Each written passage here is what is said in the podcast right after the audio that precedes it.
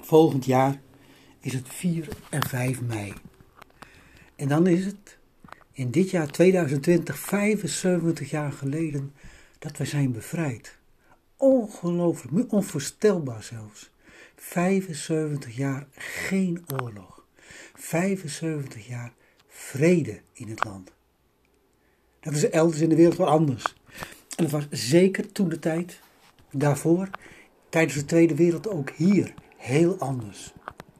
Mensen werden geconfronteerd met armoede, honger, dreiging, die we misschien nu niet goed meer kunnen voorstellen. En het is soms helemaal moeilijk voor te stellen dat ze soms voor, kwamen staan voor keuzes en dilemma's. Waar je denkt van, wat zou je moeten doen? Wat zou ik doen? Twee jaar geleden in het kader van Market Garden is mij gevraagd om in Brabant op te treden. Brabant stelt en stelde heel veel belang in de orale geschiedenis, opdat men niet vergeet. Ik heb een aantal keren dat gedaan en de eerste keer was in Valkenswaard en de tweede keer in Bergen op Zoom. En rond deze 4 en 5 mei wil ik voor beide keren gewoon een verhaal uit die voorstelling halen en hier vertellen.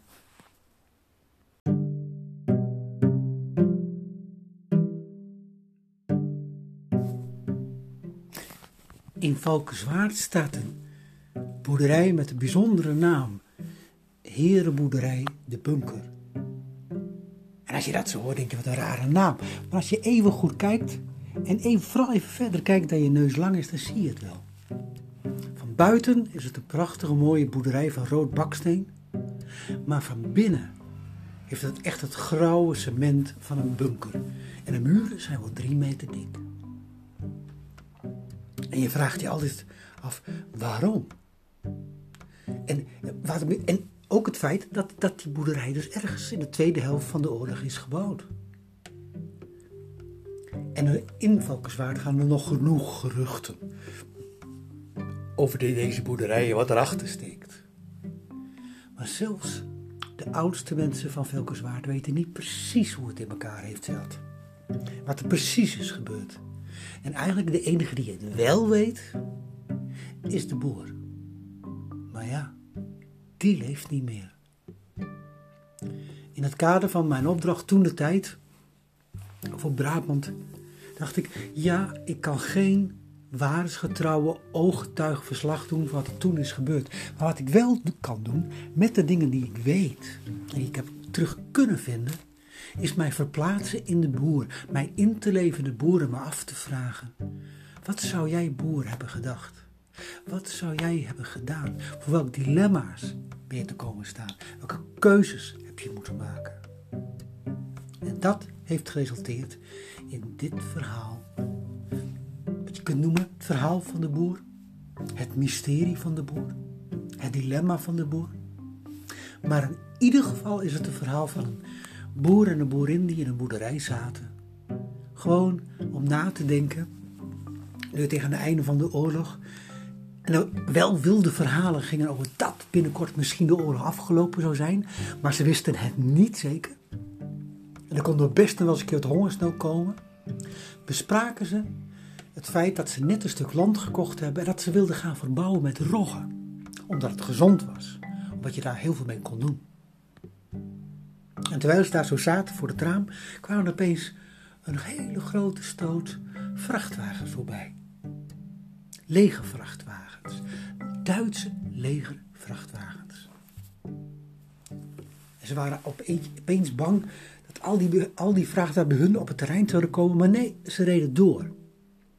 Ze reden, nou ja, niet zo ver door, maar een paar honderd meter tot precies voorbij het Roggeveld. Daar sloegen ze af en al de voertuigen gingen keurig achteruit inparkerend op het Roggeveld staan. En de boer en de boerin keken elkaar aan. Dit kan toch niet? Oké, het is wel oorlog. Oké, ze zijn eigenlijk wel de baas. Maar zo ga je toch niet met mensen om. We hebben net dit stuk grondgebouw uh, verkocht. En de boer staat op, loopt naar buiten, gaat meteen zijn verhaal halen. Hij komt nauwelijks voorbij de, wacht, de wachter aan de rand van, uh, van zijn eigen stuk grond. Als hij zo beleefd mogelijk blijft aandringen, wordt de commandant gehaald. En die geeft hem niet eens de kans om iets te zeggen. Hij weet al lang wat deze boer komt doen. Hij kijkt hem aan en zegt alleen maar: Ah, willen ze dan? Ja, en dan weet de boer. Protesteren heeft weinig zin. En dan kan je het alleen maar zich om te draaien, maar naar huis te gaan. En weet s'avonds gebeurt er nog wat meer. Want diezelfde avond nog staat wel de complete officierenclub van al die groep mensen, al die Duitse groepen op het Roggeveld bij hem voor de deur. De gewone soldaten hebben tent opgeslagen daar. De officieren worden bij hem gelegerd. Of hij het nou wil of niet. De boer en zijn vrouw moeten zelf zijn eigen slaapkamer afstaan voor de, voor de commandant. Kampcommandant, hoe noemen wilt. In ieder geval de commandant van het Roggeveld.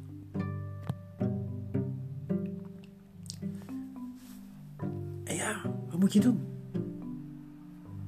Precies wat ik zei. Wollen Sie tot? En de boer en zijn vrouw schikken zich in hun lot. En ze proberen maar zo goed mogelijk de boel ervan te maken. En uiteraard vragen ze nu dan eens wat er aan de hand is en wat er daar gebeurt op het Roggeveld. Maar ze krijgen niets te horen. En als de boer een keertje naar het dorp toe gaat, naar Valkenswaard zelf, zijn er uiteraard allerlei mensen die hem aanspreken. Hé, hey, wat komen ze daar doen? Wat is dat voor geheimzinnigs? Kun jij het niet achterhalen? Je hebt nu de kans om een held te worden. Je hebt nu de kans om de ondergrondse te helpen en de bevrijding dichterbij te brengen. Deze boer is niet echt een held. Hij is gewoon boer. Daar heeft hij voor gekozen. Maar hij wil wel, uiteraard, gaan vragen. En hij probeert het linksom en hij probeert het rechtsom. Hij probeert zelf de commandant en zijn officieren zeg maar, te overvallen op het moment dat ze wat minder waakzaam zijn. Na een lekkere maaltijd bijvoorbeeld, rond het genot van een goed glas wijn. Nee, het helpt allemaal niet. En dan weet de boer, heb ik mijn volgende dilemma. Ja, want nu denken de mensen nog in, het dorp van, ah, deze boer. Een held, geweldige kerel. Want hij dat gewoon durft, hè. Dat hij gewoon die mensen in huis neemt om voor ons te achterhalen wat daar gebeurt en hoe we dat kunnen doorspelen aan het ondergrondse aan de geallieerden, opdat wij eerder bevrijd kunnen worden. Maar hij weet ook, als het niet gebeurt, als hij niets kan achterhalen en het duurt te lang, dan zal hij meteen van held in, ja, lafaard. Misschien noemen ze wel verraden. Misschien lopen. Eens kijken hoe gezellig hij doet met die Duitsers. Lekker eten, glaasje wijn, leuk kletsen. En dan maar doen alsof hij allemaal geheimen kan ontfussen. Ah, oh, mooi, mooi niet. Het lukt hem niet. Nee. Zie je er een verrader dan? Dat is dus een dilemma. De boer en zijn vrouw hebben het daar regelmatig over. Hoe moet je hier nou mee omgaan? Hoe red je hier nog uit? De druk vanuit de dorpsgemeenschap wordt steeds groter, zelfs vanuit de ondergrondse. Aan de ene kant om het te achterhalen en de druk vanuit de andere kant, vanuit de Duitsers, hou je kop.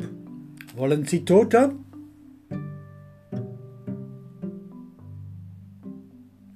dan weet de boer niets anders te doen dan gewoon te kijken, eens langs te lopen en te ontdekken dat op zijn roggeveld een heel groot nieuw gebouw verschijnt. Het lijkt wel een boerderij. Maar het begon niet als een boerderij, het begon eerst meer als groot cement. En het was twee, drie meter dik. En daaromheen werd gewoon, werd gewoon een bunker en dan om die bunker heen werd de boerderij gebouwd.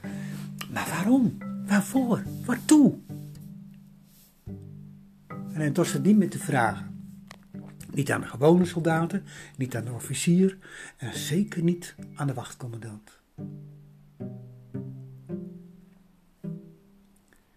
En dan, in zijn wanhoop, zich fijn gewreven voelen tussen enerzijds de Duitsers en anderzijds de ondergrondse of de dorpelingen, besluit de boer op een nacht op te staan. Want, denkt hij, die Duitsers mogen best sterk zijn, ze mogen zich zwaar bewapend zijn, maar wie kent het land beter dan ik? En midden in de nacht, hij vertelt zijn vrouw niks, gaat hij naar buiten, gaat hij het land op. En zorgt, gaat gewoon van schaduw naar schaduw in de diepe duisternis, lopend op weg naar zijn voormalige stuk roggegrond.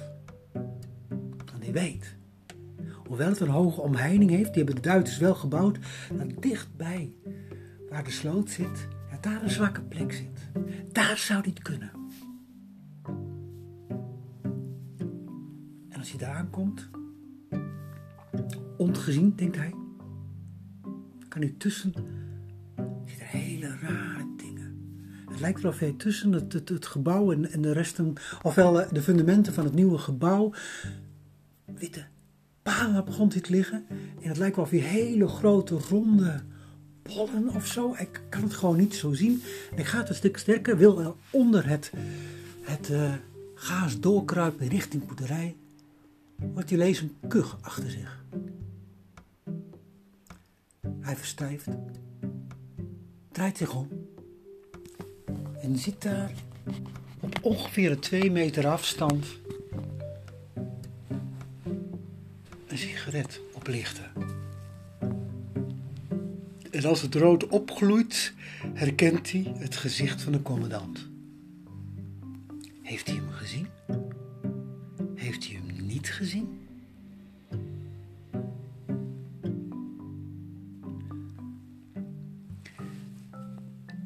Ja, wat dan?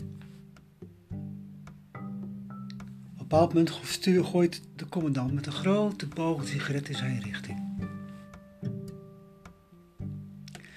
Ik loop naar hem toe. Gaat hem zonder naar me aan te kijken naast hem staan en zegt alleen maar... In goed Duits, je kan ook niet slapen, hè? Nee, zegt de boer.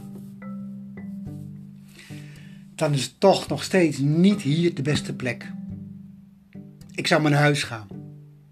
Als je je leven lief is. Wel te rusten. Weet je, ik ken het probleem ook. Ik wil ook wel eens slecht slapen. Ik ga naar bed en u gaat naar bed. Dan weet niemand dat er iets is gebeurd. Waarom? Waarom deze commandant een vlaag van medemenselijkheid de boer had gaan? We weten het niet.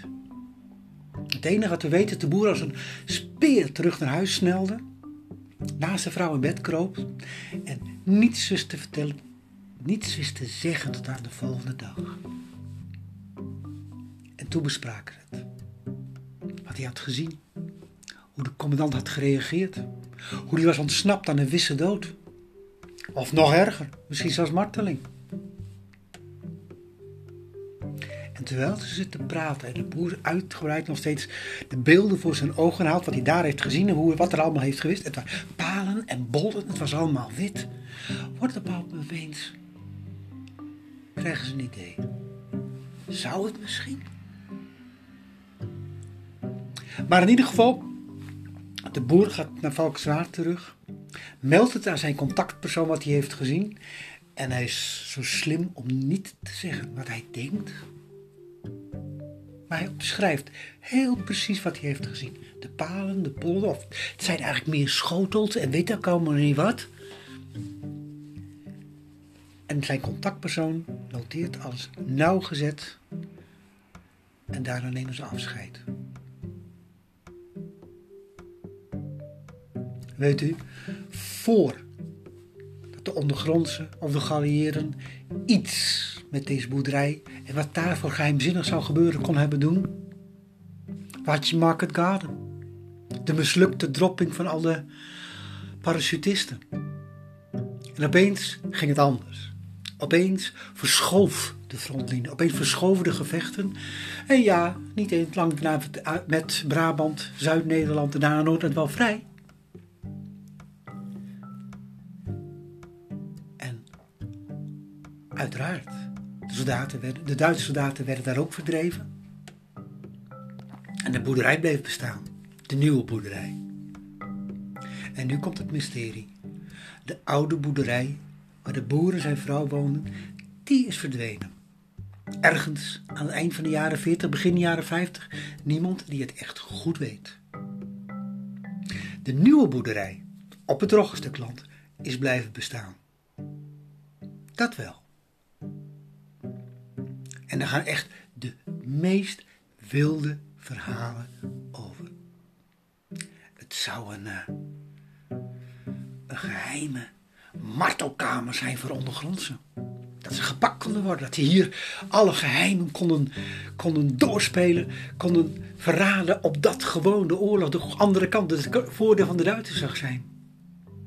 Het was misschien zelfs een soort zondercommando. Omdat daar, die daar kon zitten en onder het mom van de boerderij af kon wachten tot ze gewoon achter de geallieerden, als die al kwamen, gewoon ja, achter van Jan de Klien allemaal daden konden doen en voordeel konden krijgen. Niemand die het wist. De boerderij heeft een tijdje gediend, zelfs nog als een, als een En, of Ella van der Marusé heeft erin gezeten. En later hebben de, oh ja, dat was het mooiste. Vooral, vooral de jeugd. Die dan in de boerderij ging, naar beneden. En over ging kijken hoe vochtig en koud en nat het daar ook over was. En dan kon je jezelf oh, heerlijk elkaar zo heerlijk bang maken met de meest gruwelijke verhalen wat daar had kunnen plaatsvinden. Maar waarschijnlijk, heel waarschijnlijk, op te maken uit de nauwgezette notities van de contactpersoon, was het iets heel anders. Was het eigenlijk gewoon een plek die was gericht om de radiosignalen op te vangen van een geleerde, omdat men dacht dat hij ergens aan de kust, ter hoogte van Valkenswaard, zouden landen om Europa te bevrijden. En ach, ik ben geen techneut. Ik weet niet precies waarom. Maar dat wat als je precies naar alle posten die ze al hadden, over daar de kruispunt van alle posten, dat dus, had ze nog één blinde vlek om het radioverkeer van de andere partij. Dat was precies in Valkenswaard. Op deze plek. En hoe kun je het mooier, zo'n zo'n radiotelescoop uh, of zo'n radiopost camoufleren dan met een boerderij?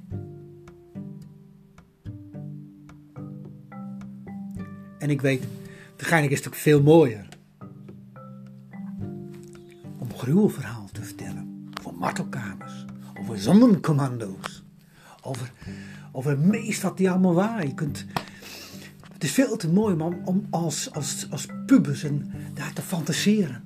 Als je s'avonds stiekem, terwijl je er niet mag komen, toch aan het rondwaren bent. Maar waarschijnlijk is het gewoon zo'n radiopost geweest. Weinig zinvol, want de, de Galliëren kwamen via Noord-Frankrijk. En via de slag bij de, om de Schelde hebben ze veel meer bereikt voordat ze iets konden doen met die radiosignalen. Het enige, en daar ben ik blij om, het enige wat ik jammer vind, dat die boer, daar heb ik heel lang over nagedacht, die boer met zijn vrouw daar hun eigen plek hadden. En daar opeens bijna werden fijn gemalen tussen dorpsgemeenschap, waar ze, waar ze deel af wilden uitmaken, van de ondergrondse die de geheim wilden weten van de Duitsers, en de Duitsers, die gewoon niet zeiden wel zo aardig en beleefd waren, maar niet zeiden. En als je dan iets te veel prikte, alleen maar keihard zeiden: Wollen Sie tot dan? En altijd is weer de vraag: wat moet je dan? Ik had zo graag het verhaal van deze boer zelf gehoord. Maar ja, want dat was namelijk zijn mysterie geweest.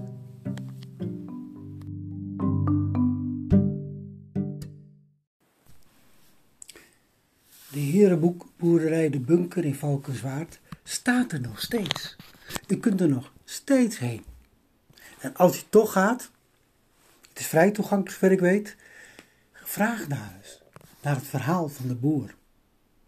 U kunt het op verschillende manieren zien. U kunt het lezen.